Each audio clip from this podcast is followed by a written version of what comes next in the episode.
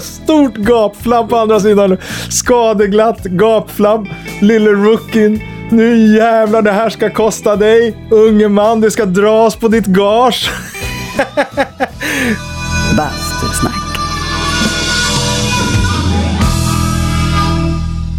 Hej och välkommen till det första dubbelavsnittet av Bastusnack.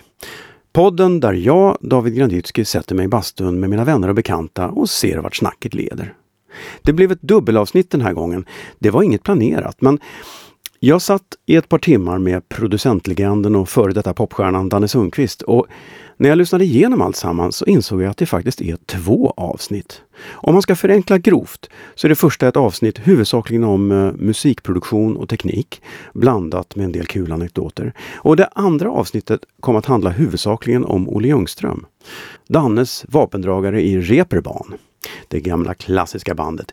Innan vi går vidare till bastun så vill jag bara berätta att eh, Bastusnacks sponsras av Tylö Helu Bastu. Sveriges ledande leverantör av bastulösningar. De har en hemsida som man kan surfa in på. Eh, och det tycker jag ni ska göra. www.tylö.se. Och där hittar du alla deras produkter. De har basturum i alla storlekar och varianter. Ångbastu, vedeldade, infrabastu. Små prefabricerade basturum som du enkelt monterar i en lägenhet eller stora fullutrustade bastulösningar där du till och med kan få inbyggt vattenfall i bastun. Och letar du bara kul tillbehör så har de allt från doftessenser till bastumössor också. Surfa in på www.tylö.se och utforska utbudet. När vi ändå talar om nätet så vill jag puffa för Bastusnacks sida på Facebook. Där hittar ni bonusbilder och länkar till sånt som vi har talat om i bastun. Och på Instagram så heter vi Bastusnack podd. Med ett litet understreck mellan Bastusnack och podd. Men nu är det dags för del 1 av snacket med Danne Sundqvist. Tekniksnacket. Vi kommer rakt in i ett snack om vår bransch märkliga arbetstider.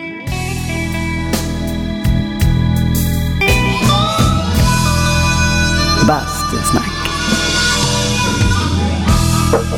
Ja, jag hade konstant dåligt samvete i typ 15 år. Det är så? ja. men det är väl lite sådär branschigt också att man har ett jobb som är fritt Mm. och, och eh, man har mycket fritid och kan vara med barnen. Men samtidigt så har man också ett jobb som när det väl är på så är det på. Ja, Då har man precis. verkligen ingen tid. Du måste Ursäkta. fokusera. liksom. Ja. Oj, klockan är halv ett på natten. Jag Mm. måste faktiskt dra och göra den här slutmixen för att det ska lämnas Ja. imorgon. Ja, men precis. Det, har Ja. du blivit bättre på det? Nej. jag tycker jag, jag blir... ehm, jag blir bättre på att strida för att få, få min tid. Ja, Man får slåss. ja. Förr var det så här, ehm, ja men alltså jag, eh, jag, jag, jag, lovar att göra, så smet man. Liksom, Ja, jag gjorde det ja, i alla fall. Jag ja. smet lite och, så, och, och mycket surt efter och liksom bitterhet. Det blev inte som... Men jag har ju lärt mig det där att om jag har en premiär så, så vet hustrun att den här, de här två veckorna är rödmarkerade. Mm. Ja, det. Förut så sa jag att "Ja, men jag kommer kanske hem till middag. Ah, ja, Och då okej. Så hon, så telefonen- hon då tänker så här, jag vet att du kommer... ja, då ringer telefonen halv åtta. Och Mm. hur är det nu? Åh, just ja. Du skulle ju ringa om du inte Ja, kom. Mm. Så nu är det mer så att kommer jag hem så är det en bonus. Ja, ja, just det. Men då är hon realist. Ja, Jag hade ju så, min, min flickvän som jag skaffade barn med, hon var så ung och, och naiv liksom. Så. Det var jag också. ja men det. Man visste inte vad man gav sig in på helt enkelt. Nej, man gör inte det. Men vet du det nu då? Ja, men mer faktiskt. Ja, Ja, ja, ja. absolut. Verkligen. Totally different. Totally different. Ja, men det är faktiskt. Du, jag snurrar ju här redan så jag Mm. måste ju då traditionsenligt, som man ska göra, passa på att hälsa dig välkommen till Bastun. Trevligt. Som den producentlegend och före detta popstjärna du ändå är. Mm. Ja, Eh, Ja, men du har många, många hattar. Men nu är det bara mest producenthatten. Låtskrivare och ja låtskrivare. låtskriv, låtskrivare har blivit mer och mer låtskrivare faktiskt. satsa mer och mer på det nu när, när jag menar, jag fyller 60 i september. Äh? Jo, och, eh, och då ska, eh, då ska man ju i princip då ska man ju ha lämnat det här jävla skrået, du vet. Alltså som producent. Ja. Är det Du så? ska, ja, nej, men lite grann, om man ska vara ren, eh, lite krass så är det ju, när du är ung och så har du ett socialt nätverk som du får så mycket information ifrån. Mm. Ja, som du kan basera di, ditt material på. Du ser och hör runt omkring Du ser vad folk gillar på ett helt annat sätt. Ja, men ta DJen till exempel. Mm. Varför blev DJs så himla kommersiella producenter direkt? Vi tar Dennis Pop som exempel. Ja. Just för han hade kollen på sin publik. Han kunde se när de lämnade dansgolvet vad som fungerade och inte. Så det var eh, en otroligt effektivt, ett eff- effektivt sätt att lära sig om popularitet. Ja. Och, och känsla också, vad känslan musiken ger och eh, om, det, om folk kan gilla det. Alltså oddsen för att folk ska gilla det eller inte. Och det har du ju mer när du är ung eftersom du har det här, om det inte är en eremit, ett brett nätverk. Liksom. Mm. Och, eh, och då när man närmar sig 60-årsåldern, så jag har ju nätverk och jag har ju koll och jag har lust och allt det där. Men jag tappar lite det här äh, gräsrots äh, feeden från, Mm. från folk. Men det gäller kanske alltså pop hit, list, Det, ja, men, Men- vi men pratar gäller om det- sounds. Ja, alltså, ja. direkt så. Ja, om ja, jag går ja. till eh, Mm. eh, många av, av de som är framgångsrika producenter idag, de har varit lärlingar hos mig. Ja. Så till exempel Victor Tell nu som, som är Smith Tell. Han är otroligt framgångsrik med Molly Sandén och, och massa andra, eh, Danny Saucedo-hits. Och eh, när jag spelar saker för honom, för det, det gör jag ofta så här, för mina, mina gamla adepter. Mm. Då säger han så här, ah, men alltså versen är för gammaldags. Och jag bara tycker att jag nailade den. Jag nailade den 2018. och han vet liksom. Han vet den är för gammaldags, Danne. Och sen säger, och så drar jag igång några Sylent-ljud och, Ja. och Spire och bara sitter där och bara, åh fan vad det är flow. Vilket Ja. jävla sound jag har fått till nu 2018. Yeah. Ja, men alltså de där ljuden, precis just de där ljuden som jag hör där i bakgrunden. De är liksom tre, fyra år gamla, Danne. Och det får de absolut inte vara. Nej. Är det så? Ja, Ja, men det är de där den- detaljerna ja, som ändå ja, gör, ja. utgör ett stor, en stor helhet. Men då tycker jag som är gammal räv, Mm. jag tycker ju då de är lite så här bundna, de Mm. unga. De är lite bundna. Jag tycker jag är lite mer universal. Jag tycker jag är lite mer... Men jag kan ju märka det, jag kan ju märka det, som, som live-tekniker när det susar förbi olika band. Hur det går trender i att aha, nu ska alla ha en, ett tag, för jättelänge sedan skulle alla trummisar ha en piccolovirvel. Så, så Ja, just det. Ja, men absolut. Och det är ju helt, det är ju ingen som har nu. Nej. Eh, och sen Vad så har ska de nu alla då? Ja, nu har de, Är det tillbaka till traditionen med mediumstämd Ja, eh, ja. Black Beauty? det tror jag. Jag är, ja, om man ens har en, om man inte har en elektronisk. Ja, men precis. Och det är pads, ja. Ja, mm. just det. Ja, men det är mycket sånt nu, ja. Just det. Det, och Och sen så, jättemycket backtracks. Och så pratas det mycket sidechain. Allting ska Mm. Ja, men precis. sidechain. Och det är väl så här, och, Ja, men så känns det precis. som Kan att, du lösa ja, sidechainen här på... och, och så får man känslan, okej grabbar, så ni tror att det här är någonting som ni uppfann? Mm. No. Erik Prytz uppfann den där jävla sidechainen. Gjorde han inte? jo, men hela... Typ. Ja, Är det sju år sedan nu, eller? ja, Känns... eller så. Men just att, att sidechaina kompressor. Ja, men det har man gjorts gjort länge. Ja, precis. Det, det, det är sedan 70-talet. Eller Ja, ja, visst. Men eh, ja, Men sen plug, pluginsen kom, som, där, som går på midi-klocka ja. Och följer tempot slaviskt, liksom, Ja. så, så är det, har det blivit något helt annat sound.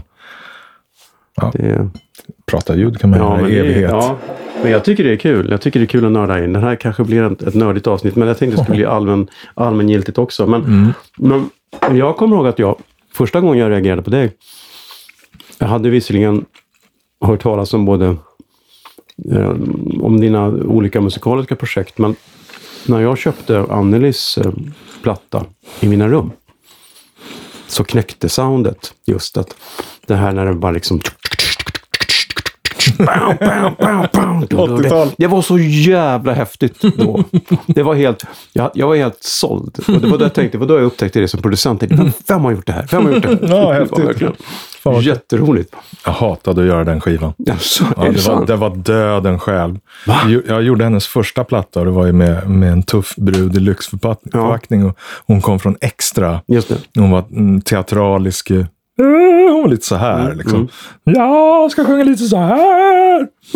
Mm. Musiken skulle vara... Du, du, du, du. Åh! Så hon var liksom dåtidens eh, Tarja Turunen liksom.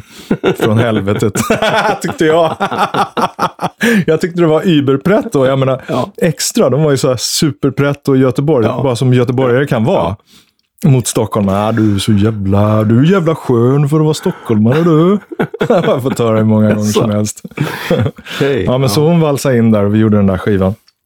Och hade kul. Ja. Och, eh, och, och bandet var liksom något hop, hopplock från mm, kompisar tror jag. Alltså, eller, Var det typ Roffe Gäng som- Alex som spelade trummor? inte, den Eller, gången, inte då, utan det var von Knorring hette han som spelade trummor. Jaha. På Segla på ett moln. Och, Just det. ja, mm. Och den var ju den var ju häftig när vi gjorde Segla på ett moln. Blixten slog ner när hon stod och Äh. sjöng förresten. När, när hon sjöng den där långa tonen så slog en blixt ner och bara knäckte strömmen. Nej, Björn Norén. Wow, det kanske var min studio. det där.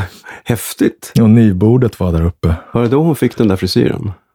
Ja, men det var då vi, ka- eh, vi döpte henne till Magica the Hex. Ah, Och eh, hon, hon, hon själv döpte sig till det, tror jag. ja, jag tror till och med Men hennes, den bolag skivan- Häxproduktion. Ja, faktiskt. ja, just det. Och den gjorde vi. Och jag var ju bara, vad fan var jag? 1983, vi snackar ja, 24, 25. Mm. Och jag var alltid fjunig för min ålder. Liksom. Och Björn Norén var ju tekniker. Och han var väl redan på den tiden var han väl kanske en 40 något. Mm. 45 kanske. Jättegammal. Ja, Ja. precis. Ja, men alltså, ja, men, ja, men han förklarade för mig Ja. hierarkin Ja. i EMI-studion under Bengt Palmers-tiden. Ja. Eh, För, för jag, jag frågade, vad är det där för hög stol? Och där är en stol som är lite lägre. Vad är det där? Ja, den höga stolen, den ska producenten sitta på. Är det sant? Ja. Och, och den, den lite lägre, det är jag. Och sen eh, fanns det ytterligare vanliga stolar då som, som eh, mickteknikerna. För de hade eh, micktekniker ute i EMI-studion Ja. eh, som var anställda. Ett par, par stycken, Gunnar Löv tror jag han hette. Eh, som gick ut i studion i vita rockar. Jo, Det är som precis som Ja. på... men det var EMI-politiken. Alltså. De, de, är, de det var är ju brittiskt, under... oerhört brittiskt. Exakt, det var, de, an, de användes av den brittiska hierarkin. Wow. Sen kom ju socialismen Ja, ja. Och, och 70-talet och, Ja. och, och, och utsvängda jeans och sen glömde alla bort det där. Ja, Alla rökte bort det. De flummade bort den brittiska hierarkin. Vilken stol var din? Jag minns inte. Nej, precis. Det är lugnt bror. Fast jag känner att Broder, det, det där med vita rockar ändå, det är lite pondus i det. jag. Absolut. Och han förklarar för mig hierarkin där. Och jag var livrädd för Björn Ja, Norén. ja. Och 24 tror jag. Ja. Och, och liksom fjunig och, och så här smala ben som, krå, som en kråka. Ja. Och, eh, och skulle vara producent. Och liksom. Så det tog mig kanske en vecka att och, försöka släppa det där. Och han var cool. Liksom. Ja. Men det är du som är producent, Danne. Men man kände, man kände. Att han ska åka på huvudet lite. Ja, precis. Han liksom, mm, ska du ut där? Jaha. Ja, Och efter ett tag sa han, du är ju duktig ju. Men jag kul. sprang som en jävla ADHD-unge mellan marimban och tam tamburinen och, och körmicken. Och liksom. Men vad hade du för ideal? Vad hade du för... eh, när du kliver in och gör första Anneli-plattan, hur... mm, Vad tänker du då? Tänker du att nu ska du göra århundradets skiva och få en Grammis? Eller tänker du att jag ska Nej. bara överleva det här? Nej, då, då, då var jag nog mest inne på att jag ska... Jag ville så gärna mm, livnära mig som producent. Så att jag... Det var ju mitt första riktiga studiogig. Ja, jag hade fått av, av Kjell Andersson innan. Jag hade gjort Janne Andersson. Mm. Nackapöjken. Mona Sahlins brorsa? Mona Sahlins brorsa. uppe i alphyddan. Ja. sa- Jag, jag kom in där, familjen satt och agiterade. Är det sant? Det är helt sant. På, på bred skånska. Ja, det Ja. måste stå upp för våra ideal. Liksom. Nej, de, var, de var supersocialister. Men och han var popsnöre. Det var ja, inte, för och han, var ju, och, det var och han inte liksom, politiskt. Bryr inte om det där Dan ungefär? Vi går in här och, och, och han satt där och spelade sina uh, gitarrlicks. Liksom, så han var, han var liksom svarta fåret i Ja, ja, för han socialistiska spelade inte ens, inte ens politisk musik. Nej, bara- precis. Och ju han gick pop. ju in för att tjäna Ja, pengar. det. jäkla avfälling! så, så, så kan det gå när man sitter och spå, man kastar sig emellan. Men jag hade fått producentjobb av Ja. Kjell Andersson på Mm. EMI. Han var så här, Danne Sundqvist, du, är så här, Mm. du verkar duktig och begåvad. Mm. Så, men det här Anneli Rudé var första giget där jag blev officiellt hyrd med ett kontrakt. Mm. Ja. Och, och du vet så här, Men det blev ju en, smash också. Segla på ett moln. Ja, och segla på ett moln. Helt plötsligt bara blev det en hit. Ja. Och då skulle det göras en uppföljare året därefter. Och då hade hon haft sina kompisar från Göteborg då som spelade. Mm. Peter Nikolajsen om du Mm. vet, spelade gitarr, var jättepretto. och, eh, och snackade mycket, som jag. och von Knorring hette han, en stor rund herre som Ja. spelade trummor. Så här, han, han såg ut som Göteborgs svar på Ingmar Dunker ungefär. Jaha, Kommer du ihåg Ingmar ja. Dunker? Oh ja. ja, ja, ja. Vi är Facebook-kompisar. Ja, Ja, han har ju en egen bluesfestival i Sandviken. Ja, Ja, du ser. Du ser. Mm. Big guy. Och, Mm. eh, men sen var det den här fantastiska keyboardisten som tror jag är död nu, som eh, vi kallade för Bacon. Mats Mm. Olaus, Al, Al, Olausson. Olausson, ja just det. Och han hade en Polymoog Mm. med mycket korus. Den gjorde vi alla de här feta padsen Mm, på Segla på mm. moln med. Ja, det var häftigt. Han var duktig. Han hade liksom smaken sådär lite. Han hade lite Wagner Mm. i sig. Mm. Så, Ja, men det brukar Anneli snacka om. Mm. Bacon, ja det är mantel. ja, Ja, ja, men, ja. ja. men precis. Det var, ja, men han, hade, han hade tre händer på varsin keyboard. Och då fanns det inte så mycket midi. Det är 83, Nej. jag har inte... Eller det började väl poppa då. Ja. Det var typ någonstans 83-84 som jag minns hur jag hade en DX7 och en Juno 106. Mm. Satte en midi-kabel emellan och fick piano och stråkar samtidigt. Ja. Och jag var helt knäckt. Jag tänkte, undrar hur fort man kan spela om den följer med. ja, exakt. Det var helt, det var en sån, det är en av de här wow som man har kvar i, i minnet. Ja, wow-upplevelser. Ja. Alltid första Hur gången. fort man än slog på den så följde den andra med. Ja. ja, men midi var häftigt. Men sen 83, då hade jag inte riktigt hunnit där. Jag, jag hade börjat med, man hade TR 808 som man kunde liksom Mm. programmera någorlunda svängigt. Och sen fanns det ju, jag menar, det fanns ju eh, möjligheter att, att synka upp, men EMI var så jäkla eh, efterblivet Mm. teknologiskt. Traditionalistiskt. Mm, ja, men precis. Och eh, jag försökte introducera synktoner och allt möjligt, men det liksom ville sig aldrig riktigt. Jag tror att vi hade klick på, på ungefär hälften av låtarna på första Anneli-plattan, Mm. 83. Men, men 84 var annorlunda. gjorde vi uppföljaren. Och då hade Anneli eh, skickat, skickat eh, göteborgarna åt skogen till förmån för ett svenskt gäng studiomusiker, som det hette på den tiden. Mm. Att vara studiomusiker var ju någon som försörjde sig på att spela, in, alltså, spela på skivor. Mm. Det finns inte idag på det sättet. Du, hyr in, du har ju duktiga musiker som du kan hyra det är ingen in. som men- kan leva på det. Det finns ju inte och så det, mycket jobb. Nej, precis. Det funkar inte riktigt på samma sätt idag. Men då var det verkligen en studiomusiker-maffia. Och då hade Anneli valt ett gäng, då Tommy Kassemar på bas och Roffe Alex på trummor. De hade, det var hennes kompband Mm. på turné. Och hon hade fått hybris för hon hade fått framgång. Och, och alla får ju hybris, men alla får ju hybris på lite olika sätt. Men Anneli fick väldigt mycket hybris. Fast jag tycker hon vinner på det. ja, men i slutändan, Ja. alltså hon är Ja. en fantastisk Ja. person. Ja. Jag får inte missförstås här nu. men Nej. Hon, hon, är, hon är som en, en extra syster för mig, Mm, känner jag mm. idag. Men d- då var hon inte lika kul, för att hon, hon kom till studion. Vårt första möte eh, när nya plattan skulle spelas in, då förklarade han för mig att new terms buddy. Eh, Jag eh, kommer ha mycket mer att säga till nu för att jag är liksom jag eh, och, eh, och även så mitt band, därför att de är mina pojkar. Hon sa ofta så, Mm, mina pojkar. Och de eh, eh, är väldigt viktiga för mig vad de tycker och vi har ett väldigt bra samarbete. Så att vi har i princip bestämt hur plattan ska låta. Eh, utan att du, du ska inte ha något så mycket att säga till om. Du ska mest, mest krana det här Danne. Tack. det, var de, det var de villkoren som, som radades upp för mig och det gillade inte jag att höra. Men, men jag var ju lite... Jag var ju Det är, kul att, det är kul att höra nu idag, 2000 produktioner senare. ja, precis. Men jag var ju så envis och ambitiös. Och jag visste ju att, ja men okej, jag var ju sugen på att göra sådana här grejer som du sa. Det där som du gillade och tände Ja, på. ja. Det var ju så jag ville, jag ville få till de där eh, Ja, coola fräcka, jävla coola, och ja. brittiska. Man hade ju brittiska producenter som förebild. Trevor Horn Mm. främst. Mm, mm. Och det som drev mig var ju bara liksom, jag ville bara göra det häftigaste soundet på, på jordklotet i Sverige. Liksom. Och få det introducerat på, på EMI var väldigt svårt. De hade sin röda EMI-tejp. Och de hade sina Lyrek-multibandare från helvetet.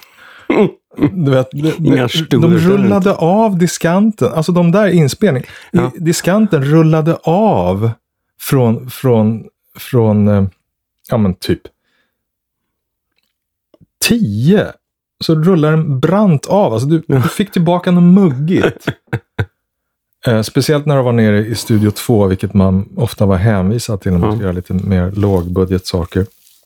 Eh, och de hade fint bord, men, men bandarna var hopplösa och de, man, skulle, man var tvungen att använda EMI-tejp. Jaha. Och de där kladdade av sig på tonhuvudena. Nej, men det var fel liksom. Så en av de första grejerna, dekreten jag förde in i den Ja, studion, ja. var, vi skulle ha Ampex 256 band. Mm. Eh, vi skulle slå av det här jävla Dolby A som Mm. någon idiot hade kommit på att man ska använda. Ja. Vad ska vi med Dolby A till? Jag frågade vad det där blåa var. Kan vi stänga av den? Ja. Ja, det är brusreducering, det måste vi ha på. Det var mycket sådana regler. Ja. Du får inte mätta tejpen. Du får Nej. inte vrida på diskanten. Ja, men vi måste ju Ja. EQa in på band. ja. Det måste ju låta bra. Ja. Och Norén var ju bättre på det, Ja. gu- gubevars. Men det var ändå lite, Norén var ändå, han var ändå liksom Sven-Bertil Taubes högra hand på något vis. I sin är och sin, sin konnässörs, gentlemanna, ja men fantastisk människa, men, men, men, och yrkesman. Men, men när man skulle föra in något nytt, ja men då var det verkligen stopp. För här ska kontrolleras med ledningen. Eh, vi måste ta en utredning om det här. Så, så då, då var faktiskt Anneli fantastisk därför att, för att eh, studiomusikerna, de var ju de visste ju hur de olika studiorna lät Ja, runt omkring. Ja. Så vi kunde ju, hon och Anneli med sin, sin, sitt stora ego och eh, sin fantastiska talförmåga lyckades ju eh, sälja på eh, Roffe Nygren som var vd på den tiden. Mm. Att vi fick spela in i andra studios. Så jag tror att vi spelade in i Europafilm 3 och där var det Leffe Allansson. Mm. Och han hade lite annan policy. Han hade SSL-bord redan då. Mhm. SSL E-serien. Det var de första där. När du, du kunde inte automatisera EQn, men Mm. du kunde, kunde automatisera reglarna. Ja, ja. Och man satt där med den där lilla gröna datorn. Mm. och han var inte främmande för att SMPTE-stripa tejpen och, och locka upp några, några trummaskiner med pilotton. Mm. Ja, men han var ju glad och Lindrum experimentell. Ja, precis. Mm. Så jag kunde ha Lindrum redan då när vi gjorde Reeperbahns Venuspassagen hade vi, Mm. använde vi Lindrum. Eh, 81. Det är jättetidigt. Ja. ja. Och 82 var jag där ute på Europafilm och hade TR 808 som, som trummaskin. Men just här, 84, började teknologin hända. Och då kom MSQ 7. Nej, kom den? Var den där ännu? Jo, 84 nog MSQ 700. Vad gör man ska Rolands sequencer som man kunde step Aha. programmera. Ja, och ja, då ja. kopplar du in då. Så, och DX7 hade ju kommit redan 83. Mm. Så, och den var ju en rena revolutionen Mm. alltså. Så då kunde vi göra ordentlig click track på alla, alla tejper och, och trots studiomusikernas tjafs. Nej, ingen bra basljud Danne. Okej. du vet, så här, vi är vana vid bättre producenter än dig, Danne. Try harder you Young boy. Young boy. Precis. Vem är han den här Danne Sundqvist? Ska vi inte byta ut honom nu snart? Liksom. Så, och bland annat så hamnar vi ute i Ralf Lundstens Andromeda-studion. Och medan han gick iväg och försökte få Anneli Rudé på rygg uppe i sitt rosa rum, sitt knullrum. så satt jag där nere och fingrade på hans synklavir. Ja, ja. Just det. Och fy fan vad häftigt det var. Jag flummade runt där, jag tror vi var där tre, fyra dagar. Och bankade in alla Michael Jackson-ljud man kunde hitta. Ja. Och, eh, och bland annat eh, just de här Linn. Det är nog Linn... Linn L... Vad hette den? Inte LM1. LM1 var första. Mm. Linn Ja, det- Drum hette den. just Just det. det. Och den var ju... Industri... någon- Polarstudion var Ja. också för tusan. Mhm. Det var där vi gjorde Linn Drum. Mm. För den hade, den hade de som inventarier där faktiskt, Lindrum. Och de hade alla de coolaste chippen insatta i den. Då, Mm. så, att, så att det lät rätt och man kunde pitcha ljuden. ja, men det var ju på den tiden en trummaskin kostade som en bil. Ja, precis. Det var ju inte bara... Det är lätt att, att glömma bort idag när det finns liksom garageband i varenda mack Ja, som du köper. Det Ja, fanns precis. ju... eh, Sounden, du var ju tvungen att åka till sounden. Mm. Och man kunde ju bara drömma om vissa. Eh, det, det, jag kommer ihåg just, jag hade någon liten kassettportastudio själv. Det var det man hade råd vilket med. år snackar vi? 86? Ja, tidigt 80-tal, ja precis. Ja, 80... Jag tror Ja, 86 men kom de här 86. Ja, bra portorna. Jo, men det kanske, det kanske var så pass sent, just det. Ja. Det var, ja. Sen fick jag låna någon. Eller var det 85? Nej, det måste varit tidigare. För, att, för jag tror att någonstans där så, så köpte jag min taskan. första Atari sen. För att jag Mm. fick, först fick jag låna någon Apple-modell jättetidigt med Mm. något sequencerprogram av Greg Fitzpatrick. Mm. Som bara var, som jag... Ja, för han hade ju sin hyra där Ja. tidigt 80-tal. Jag kommer det, ihåg och det var någon någon PPG 83 där. jättekomplicerat. Men då, precis där så kom Atarin och Mm. den var i, i ett, en prisklass som jag kunde fixa. Mm. Så då fick det bli en Atari. Mm. Med, med eh, det här första sequencerprogrammet som heter Pro 24, tror jag det hette. Mm. det, var, det var liksom... Ja, 24 spår midi. ja, det var helt magiskt. Svindlar. Ja. Men då var man ju liksom tvungen att ha... Det var, hade man ju ingen nytta av om man hade 24 syntar eftersom varje apparat då bara kunde ta emot en kanal. Mm. Sen kom ju Rolands MT32 som var multitimbral. Man Mm. tänkte wow! När liksom åtta syntar och en trummaskin samtidigt.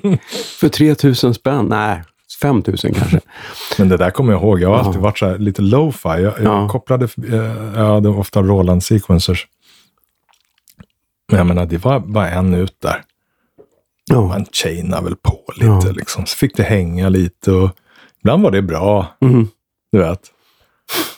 Creation by accident. Ja, men lite sådär. Jag var ju så otålig. Jag ville Ja. få det att funka. Det brydde mig inte så mycket om om det var by the book. Liksom. Det var alltid någon tekniker där som sa, men Danne, du måste ju koppla, du kan inte koppla sådär. För då... men, men jag satte alltid igång. Liksom. Jag har alltid gjort så. Men Som när jag lagar fick mat också. Ingen recept. Nej, Sätter du kör bara. Ja. Ja. Ja. Ja. men det är kanske en bra, det är ett bra kreativt flow. Bra och dåligt. Ja. ja, men det beror på vad man vill göra. Men blev plattan som du ville då? Nej, nej, det blev den inte. För eh, där var också, där lärde jag mig en läxa. För att eh, vi, eftersom det var, jag lärde mig två läxor. Den ena var eh, att man måste lära sig att sälja in sina egna idéer. Det är införsäljning. Eh, alltså, du har med andra människor att göra och du kan inte bara gå stad och, och, och göra som du vill. Utan du måste göra upp en plan för vad du vill vill att det ska hända och du måste eh, sälja in eh, idéerna ordentligt, alltså känslomässigt. Mm. Du måste få folk att känna att de har kommit på det själv nästan. Eftersom du har mycket med egon att göra så, så måste man förbi den spärren. Det lärde jag mig. Man får vara lite psykolog. Ja, precis. Ja, man, man, man ska manipulera. Ja, en säljare ja, tycker jag nog mer Men än du är rätt psykolog. bra på det. Du har ju en ganska trevlig stämning i Ja, arbetsflowet. precis. Så det, det är med ofta. liksom. Ja. Nej. Ja, ja, men det kan jag bli. men alltså, men man Ja. måste göra det med lite entusiasm och svung. Bastusnack.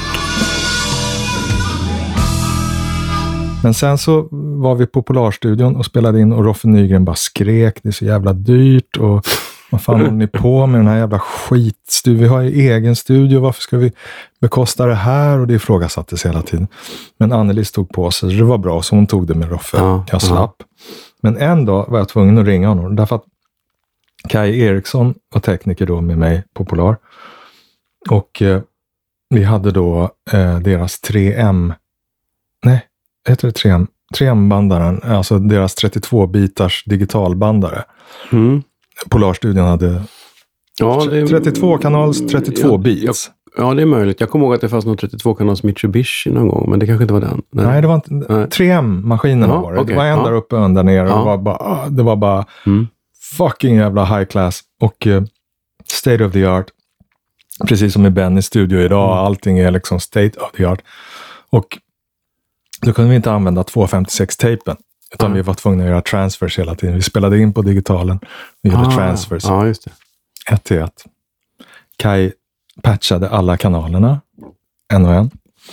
Och eftersom det var 32 därifrån så ner till 24 så fick man göra lite reduktion. Mhm.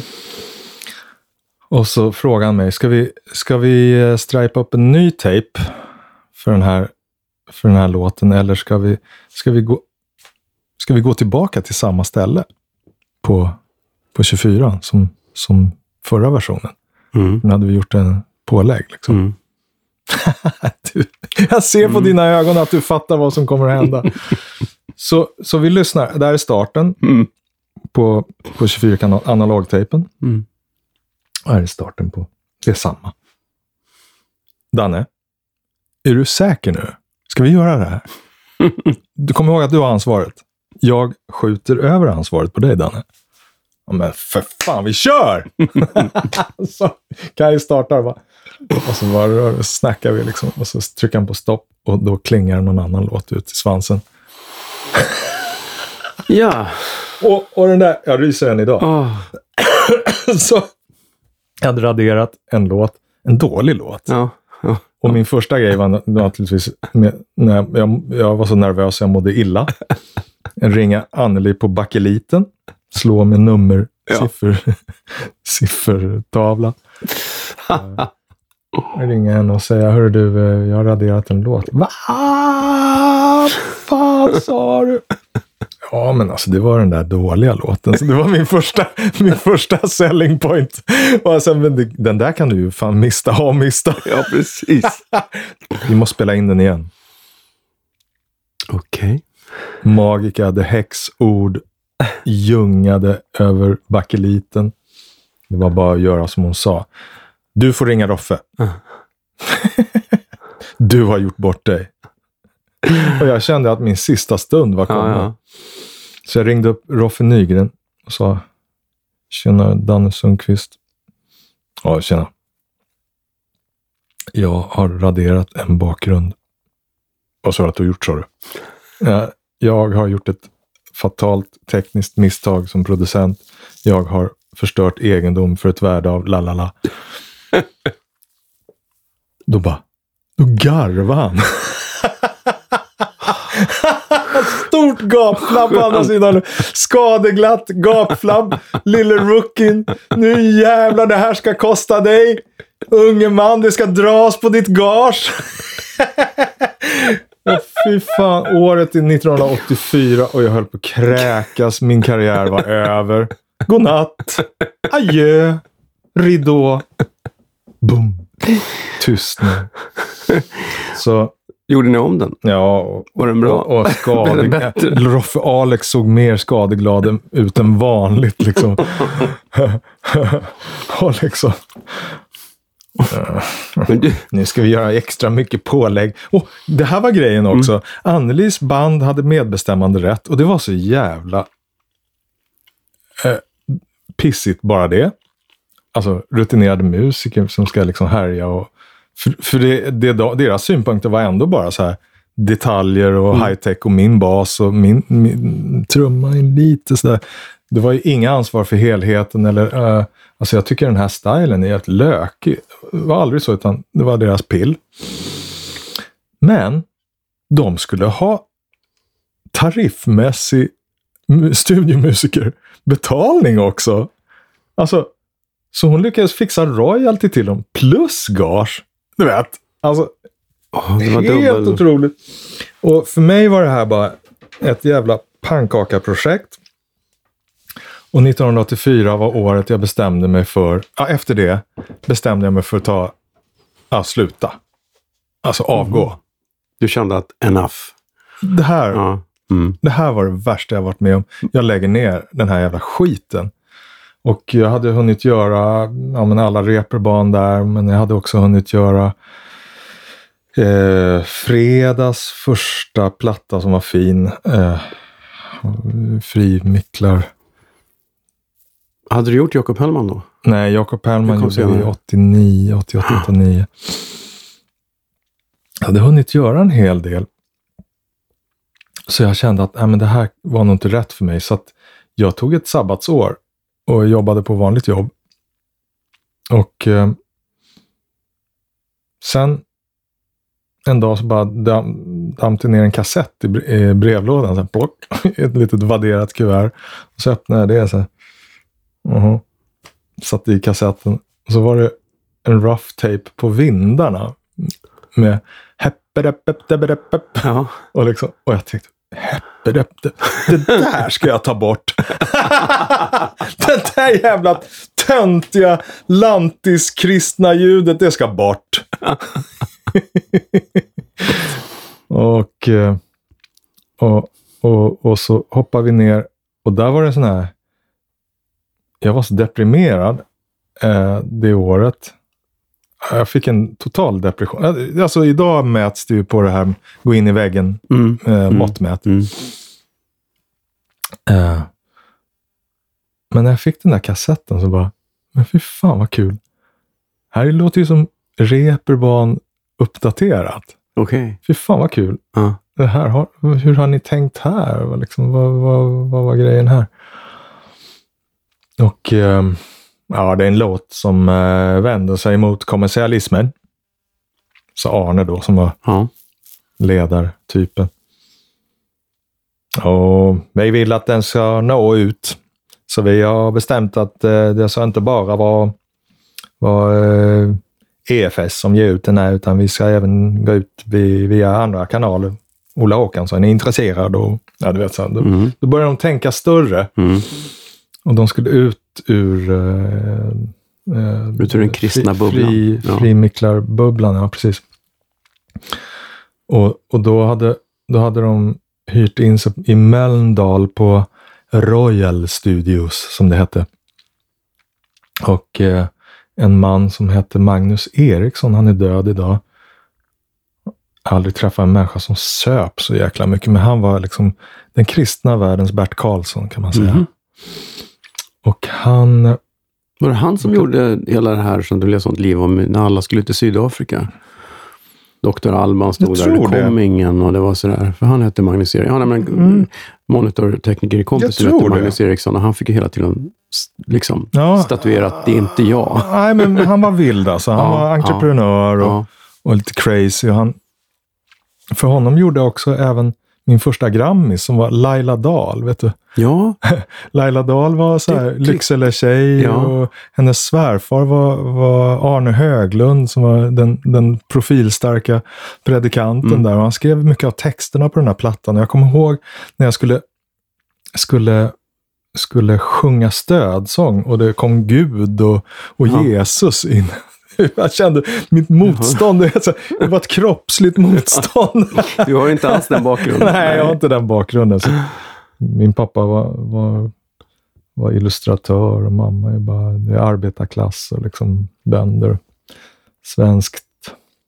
Men du, Gråsosse. Men du, är nu har jag fått, varför tror jag att du är från Åkersberga? Ja, men det är nära Vaxholm. Du är, Vaxholm, uppvuxen du är Ja, Vaxholmare. Min ja. mamma var vaxholmare och mormor var vaxholmare. Ja. Så, så det finns två generationer där. Och eh, där gick jag grundskoletiden. Mm. Men började du lira i plugget då? Eller? Eh, ja, alltså lira. Alltså jag, jag började egentligen, jag målade och ritade, det var min grej. Och, och så tyckte jag om att plinka på pianot och så hörde jag någon låt och så plinkade jag fram den och på den vägen var det. Och sen var det kommunala musikskolan, skulle börja spela gitarr och det gjorde ont i fingrarna. Så då tog jag piano istället. Och, eh, och efter ett år på kommunala musikskolan så säger min musiklärarinna till mig, hör du, nu, har jag, nu, nu vet jag säkert att du eh, inte kan noter, utan du har bara fuskat här i ett år. De har bara gått på gehör. Ja. ja, men det var ju så lätta melodier, sa jag. Alltså, ja, men jag, ja, och då sa hon också att ja, men du har ju en begåvning och du, du skulle kunna eh, göra musik, Danny, i framtiden. Så det, det tycker jag nog att du ska lära dig noter. Det får du verkligen tänka på. Och vi snackar 70-tal här, som Ja. hade blivit lite li- liberalare. Annars hade jag fått någon smäll på fingrarna säkert. Ja. Så, vilket säkert hade varit bra. För en sån som mig. Det är det du Så- behöver. Ja. Så, så jag, var, jag var så säker på mig själv när det gällde det där. Så, Ja. att, så att jag frågade henne, kan inte jag få spela eh, för dig några låtar som jag har tagit ut själv? Och då kunde jag Yesterday bäst, för då ha- hade jag tagit ut den med melodi och basgång. Mm. Som synkade ihop lite så här någorlunda. Så spelade jag det och efteråt så sa hon, gud vad bra det där var. Vill du spela den där på uppspelningen? Och så årliga uppspelningen. Så jag fick cred. Ja. Och, och, och jag gick där med, morfar följde med. Min morfar var, var bondtyp och han gav inte credit till någon. Och han var liksom mest sur hela tiden. Man var lite rädd för honom. Och, eh, och efteråt, på vägen hem, så, så sträckte han ner sin hand och tog min hand. Och jag var kanske 12. Tog han min hand. Och så höll han och så tittade han ner på mig och sa med värme i rösten. Vad duktig du var. Och än idag, alltså jag får, jag får lite, jag får stoppa en tår alltså. Så, så efter det, de två kreddarna, så, så lärde jag mig aldrig noter. Än idag. Än idag. Mm. Så jag har gjort några försök och, och det går ju sådär. Jag menar, det, men det går ju så mycket fortare att klura ut det liksom. Jo, men det... Så är det ju. Och så finns det hjälpmedel idag. Jag menar, du kan ju verkligen vara autodidakt som det kallas och, Mm. göra musik idag. Alltså, det finns ju hur många framgångsrika exempel på det som helst. Ja. ja. Då var det inte det- riktigt. Det var Paul McCartney och Benny liksom. Mm, precis. Exakt. Men Hans Zimmer lär ju vara, alltså jag är inte hundra säker, men jag tror att han är, är nästan obildad. Jaha. Vilket är lite coolt, för Ja, menar, han är ja. också den som förnyar sig väldigt. Han är väldigt... Uh, tittar åt alla. Han upprepar vissa grejer, Ja. men det får man väl tillskriva hans grundsound. Men jag tycker ändå han, han, han använder det där, de där grå cellerna han har. ja, jo men det... Jag måste säga, jag beundrar det är, egentligen, framåt. noterna är väl egentligen det... handlar ju mest om att kunna kommunicera till... Det är ju lättare om du skickar ett, kan posta ett arr till Ja, men någon. precis. så går det ju lite fortare än Ja, om man ska behålla... Du, det finns en väldigt rolig dokumentärfilm om eh, när eh, Phil Collins spelar in Face, Face Value-plattan. Mm. Har du sett den? Nej. Det är, sån här, det, det, är en av sådana här classic albums. Mm. Och sen så, han kan ju inte noter. Och han Mm. flyger över ett gäng sköna ehm, blåsare, soulblåsare från typ Chicago som Mm. kommer till liksom Mm. Skottland eller vad det är, Mm, stöter på mm. den här snubben Mm. i keps. Och De tänker, vad är det vet. för jävla honky? De, de är liksom soul, vad är det här? Och han har ett eget notsystem Mm. som han, med någon sorts grejer där han har ritat. Här ska ni det betyder att ni ska spela så här. Mm. Och vad fasiken är det här liksom? och sen när de väl kommer och börjar spela in så tänker de, shit!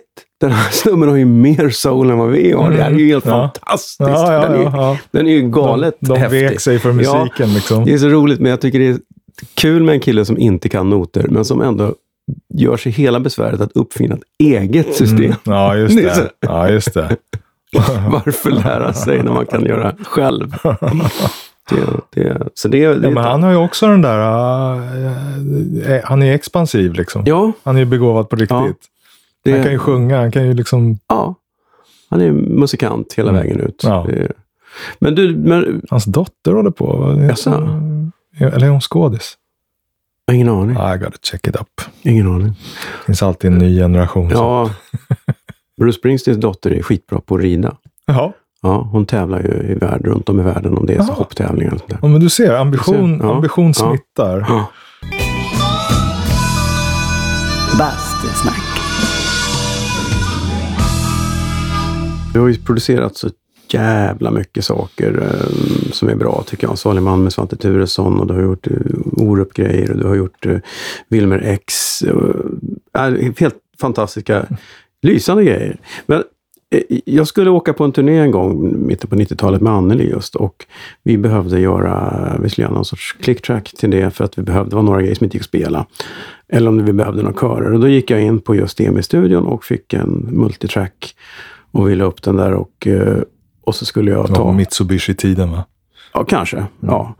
Och skulle eh, spela av då, vad det nu var, någonting från Stulna kyssar eller Primadonna-plattan. Och så när jag drar upp reglerna så låter det som plattan. För det vill säga att du och, och eh, Pontus Olsson har ju liksom spelat in den som den ska låta. Ja. Det tyckte jag var oerhört eh, imponerande. Att, att, att det var liksom klart redan på multitracken. Att det inte var mixen, mixen som... Det är klart det var mycket i mixen, Mm. men... ehm, jobbar du mycket så? Eller var man en, printar med Ja, att, effekterna. att, att det är så här att det här, så här ska det vara. Att du vet Absolut. redan. Du är rätt säker på. Ja. Ja. Men sen kan det ju bli grötigt i slutändan ändå. Jo, jo. Ehm, och det är inte mycket utrymme för mixaren där, men jag... På den tiden så var det ja, alltid någon som mixade Alar eller Pontus eller så. Eh, men jag ville nog, jag ville ju nita sounden så mycket som möjligt. Syntljud spelades in med reverb. och- Ja, du hörde det i huvudet redan liksom, eller? Eller kände du på det, eller hur var det? Ja, ja alltså jag fick ju ofta rådet, ja, men ska du inte, ska du inte skita i reverbet? Nej, men jag vill, jag vill inte, jag vill att det ska vara fixerat liksom. Och idag, efter, efter eh, hårddiskinspelnings, när man kan ta isär saker och ting, för det kunde man inte på den tiden. Det är Nej. viktigt att veta, på den tiden så var det ju fixerat. Mm. Och ehm, ehm, du kunde ju göra en eh, överföring till dator senare och sen ta isär och göra. Men idag går det ju i princip att remixa och ta isär allting. Men då på den tiden så, så tog du beslutet och där var det. Liksom. Jag tyckte om att ta de be- besluten. Jag, jag, jag gillade mitt sound. Jag, jag fick ofta kritik faktiskt från, från en del mm, mer liksom så här, utbildade människor och, och liksom konnässörer som sa men det där är liksom överproducerat. Ja men okej, ja men okej, det är mycket detaljer men, men tycker du inte ändå att energin finns där? Tycker du ändå inte att liksom det är lite kuk i det liksom någonstans? Så Jag tycker att Stulna kyssar-plattan är ju en Phil Spector-himmel. Alltså. Det är Mm. så mycket så det finns inte. Det är helt fantastiskt tycker jag. Det var jätte... eh, jag var så nervös när vi gjorde Stulna kyssar live på Börsen. Och vi höll på och repa och jag var så här, hur fan ska jag få ihop det här live? Det här soundet som var. ja. Och så kom du dit och lyssnade på ett genomdrag och satt där efter halvvolley. Och så satt du där med bandet och kören och, och hade notes i fan en timme. Och så här, det här är viktigt, det här är det. Och jag satt där bredvid vid, vid mixerbordet och sen gick du. Och så, "Ja, Danne, Danne, Danne, ja, ja, vadå? Men liksom, du, hallå, hur lät det? Kanon, blöt körerna. Och så gick du. och det var väldigt så här, det var skönt. jag minns det så väl. Ja, För det ju var vikt- stort och fett. Och, Ja, men alltså, hur, hur, om, om alla gör sin grej Ja. i manuset, alltså om Ja. alla musiker spelar som de ska spela och liksom har rätt attityd och attack. Och jag vet, jag bekymrade mig mycket över Martin Hedström, för jag tyckte han, han var så eager to please och han sa, det var så lite attityd i honom. Så jag, kan han verkligen pff, leverera den där jävla kuken som jag menar ändå, ändå Mattias Torell, även om han är en mjuk människa. Så, äh, men så hade han en, en beska i, i sin ambition. Liksom. Mm. Och, och en jävla timing och du vet så här. han, han, han vittnade om det där klassiska. Vi, vi var utanför EMI-studion när vi gjorde Stulna kyssar. Så gick vi till lunchen tror jag det var. Och så, och så, så sa Mattias, alltså jag, jag, jag fattar inte, jag lirar på Lisa Nilsson och, och Erik Gadd och alla dessa jävla häftiga plattor. Och jag undrar, när ska jag bli avslöjad som den fake jag är? Säger han. Det är väldigt vanligt med den där. Alla har ju den nästan. Ja, precis. Det heter någonting, jag har glömt. Men, men det är ju för att du är bra på det du gör och, och du har kommit någon vart och din självkritik är också din inre motor. Mm. Till att bli bättre. Mm. Och de som inte klarar av att vara självkritiska, de kommer aldrig... Ja, de kan få en liten puff-hit, men sen, Mm. sen tar de sig inte vidare. Liksom. Ja, Självkritiken är otroligt viktig. Och just det här när man är ung och osäker och, och tänker att allting... Alltså, Mm. jag sitter inte säkert. Men det är en rätt skön känsla liksom. Ja. Bastusnack. Du har ju också masterclass för producenter. Mm. Vad, eh, nu, ska jag inte, nu är ju det här någonting som kostar pengar att gå och så här. Jag ska inte på något sätt snika in men, men vad är ditt grund... Vad är ditt, har du något sånt här bra grundtips för aspiring producers? Vad är liksom... Alltså idag finns det ju så mycket på YouTube och eh, du har Musikmakarna etc. Musikskolor, alltså producentskolor på ett sätt som man bara kunde drömma om. När jag, var, när jag började, liksom, fick ju möjligen på sin höjd se inspelningen av Dark Side of the Moon, liksom valda bitar och Mm. eh, kanske någon, jag fick inside ifrån Sgt. Pepper-inspelningarna och sådär. Eh, men för du måste ju som producent, som du sa, med, vara psykolog, men alltså du ska, måste ju sälja in dina idéer. Mm. Viktigt att sälja in och du måste vara, ta väldigt noggrant hand om, om människors, eh, alltså lyhörd för vad folk vill göra. Ofta, ofta säger de att de vill göra massa saker och har väldigt bestämda åsikter, men de har egentligen inte så bestämda åsikter. De vet mest vad de inte vill ha, men väldigt lite vad de vill ha. Och då är det din uppgift att få dem att känna sig betydelsefulla. Alltså bekräfta dem i det där och låt det bara löpa på. Efter ett tag så får du ta hand om kommandorodret. För om du börjar kväsa dem tidigt och, och, och hävda dig så kommer de aldrig låta dig få rodret. Utan vänta i lugn och ro tills du får rodret och sen tar du och kör ut av helvete, kör ditt race. Då kommer du lyckas för då är de som vax i dina händer. men det är ju Så så. lyssna inte när artisten kommer in och säger att det här är mina pojkar. ja, men, ja, men jag var så, ja, fan. Jag menar, jag var så jävla osäker också. Det, Ja. det är en grej, det, självförtroende är så viktigt. Mm. Har du dåligt självförtroende så jobbar det emot dig. Det blir din egen fiende alltså. Måste, man måste ta det lugnt och andas och, och se att det kommer att komma. Liksom. Är ju bara, som vi brukar säga, det är ju bara musik. Det ska ju vara roligt. Ja, men precis. Ja, ja men precis. Du ska, du ska skapa eh, en atmosfär, eller en illusion om du vill, åt, åt artisten att, att, ehm, att det här kommer att bli helt fantastiskt. För de flesta har inte så jäkla mycket driv. Nej. en del har Alla Och då är det fantastiskt att jobba med Ljungström. dem. Så kan Ja, du, då kan du släppa lite grann på det där och då, då åker du med. Liksom. Eller då blir det ett samarbete. Mm.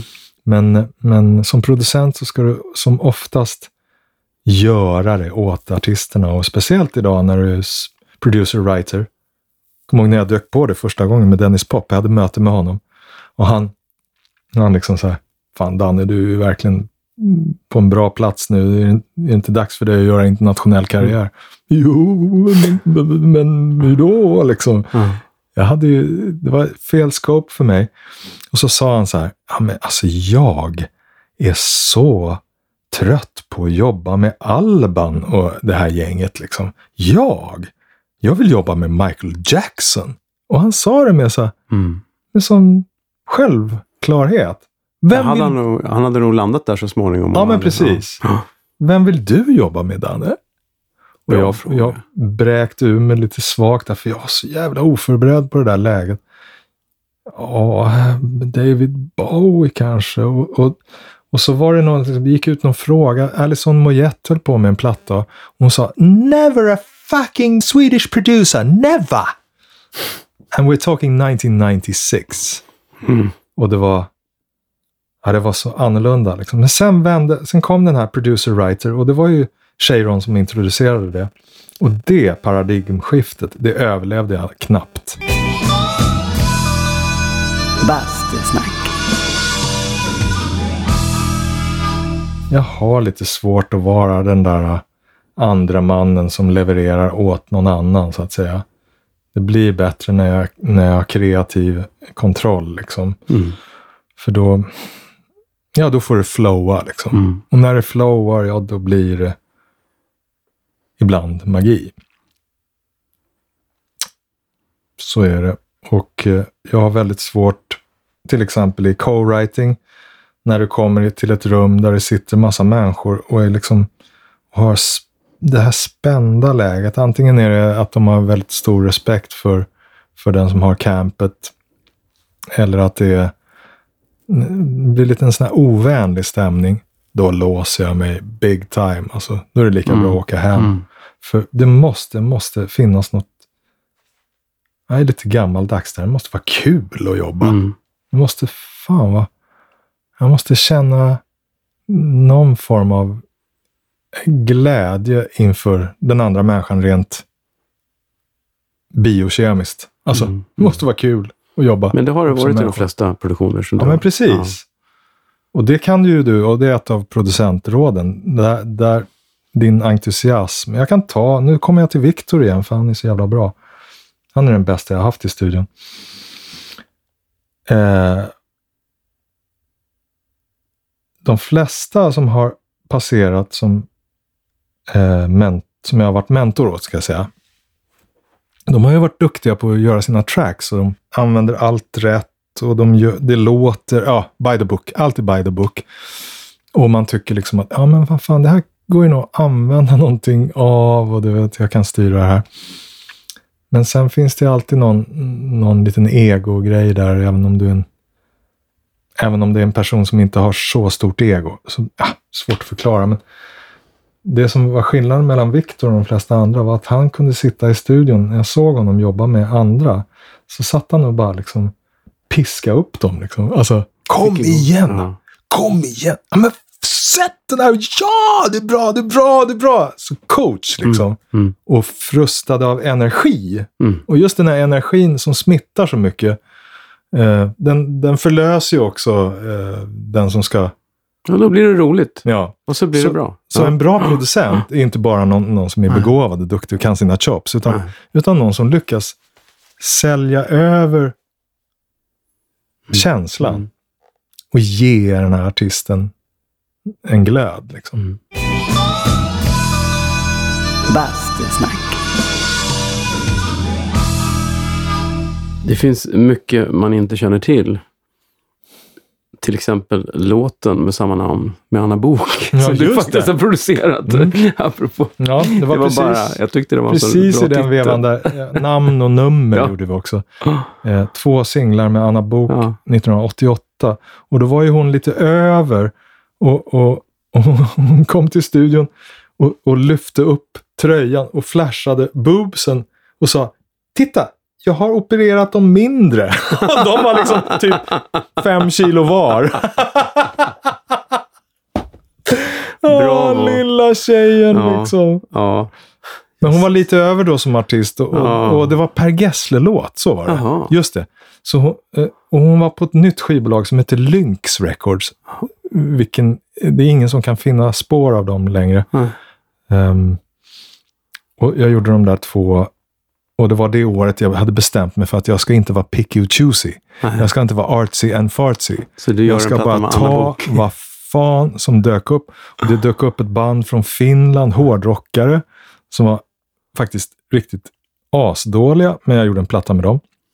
Och, eh, och Laila är ju bra, men jag menar, och det blev en eh, rätt makalös platta tycker jag idag när jag lyssnar på den. Men, och den fick en Grammis och allting. Men, men jag hade ju inte så höga tankar om det. För, hade det varit två år innan så hade jag inte tackat ja, Mm. till exempel. Och, och eh, Bye Bang gjorde jag. Jaha, eh, du vet, Ja. Helsingborgs Ja, ja. Eh, eh, rock'n'roll liksom från... Men vad fasiken, man jobbar eh, och det kan ju bli kul situation även om det är något man inte spontant känner. Ja, men precis. Det lärde mig. Men Eh, jag, ja. jag fick lite, lite pluggen ur röven där. Alltså. Och det i sin tur resulterade i att jag, jag jobbade. Jag, det, jag, det började blomma liksom. Jag Mm. släppte loss och jag träffade mamma till, till barnen. Jag var i den där, åh, det bara flowade. Mm. Du vet. Mm. Och hon blev gravid. Jag måste skärpa mig. Jag kunde inte sitta och pilla mig i naveln längre och ligga och tycka synd om mig själv. Nej. gjorde jag mycket. Ehm, så det var bara puff, puff, Bra. upp och hoppa. Och, eh, och då började telefonen ringa. Kjell ringde. Hörru du, eh, skulle du kunna tänka dig att eh, producera Filmer X? Va? Vad fan är det för någonting? Det är jävla rotrock. Ja, men det här är något speciellt alltså. Jag har lite idéer. Så hade jag möte med honom. Och Nisse.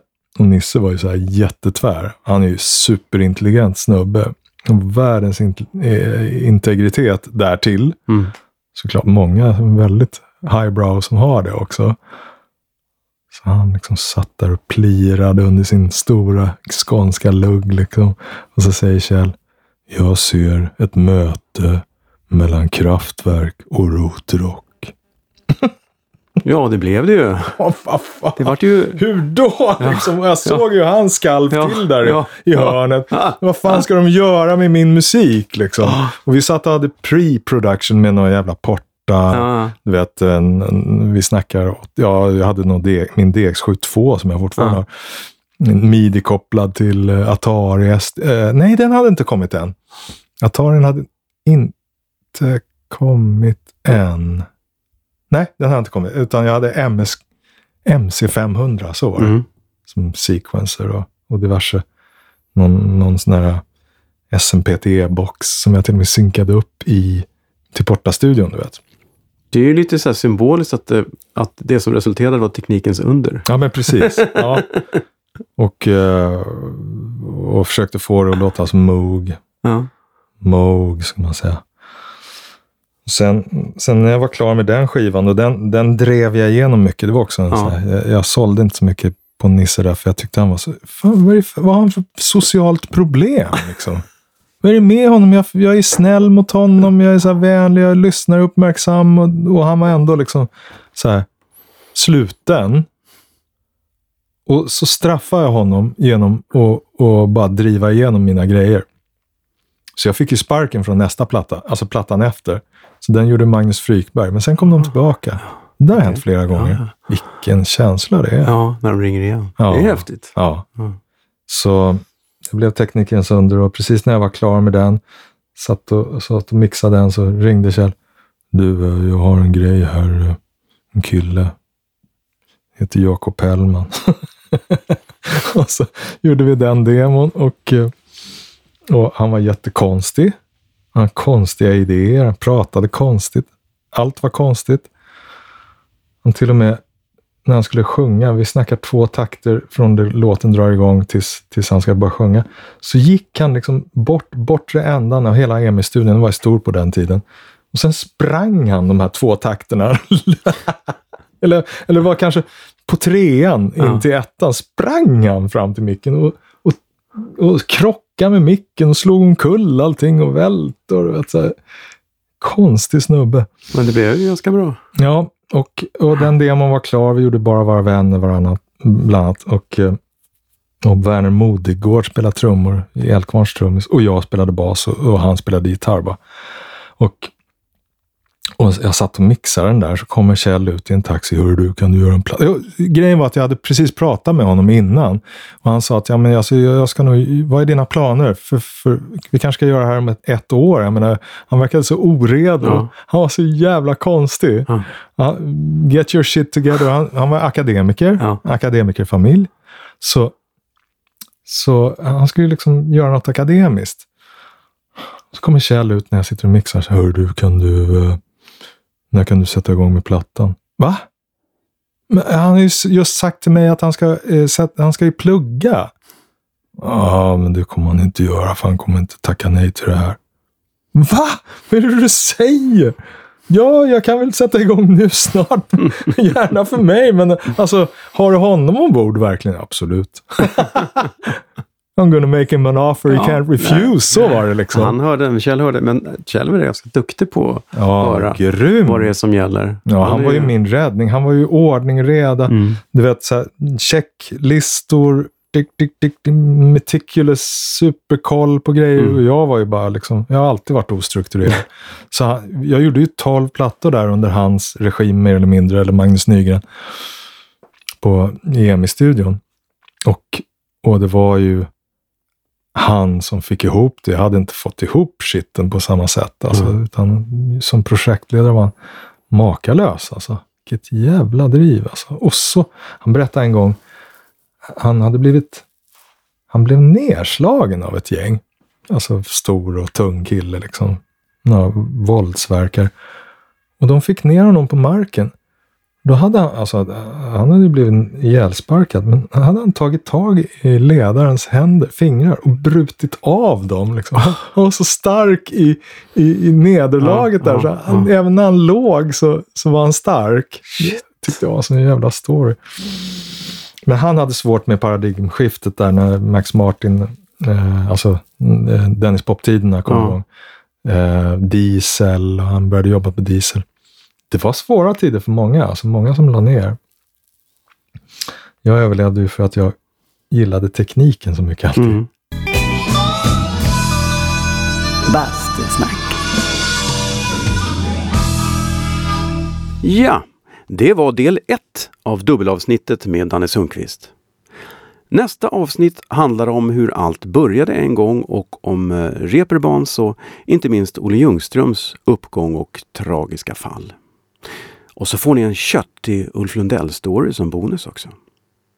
Bastusnack sponsras av Tylö Helo Bastu. Surfa in på www.tylö.se och se vad de kan erbjuda just dig och dina behov. Att basta regelbundet gör gott för både kropp och själ. Att investera i en bastu, det är att investera i sitt eget välmående. www.tylö.se det var allt för nu. Lyssna vidare på bastusnack.se där du även hittar alla gamla avsnitt med mängder av intressanta människor. Basta försiktigt!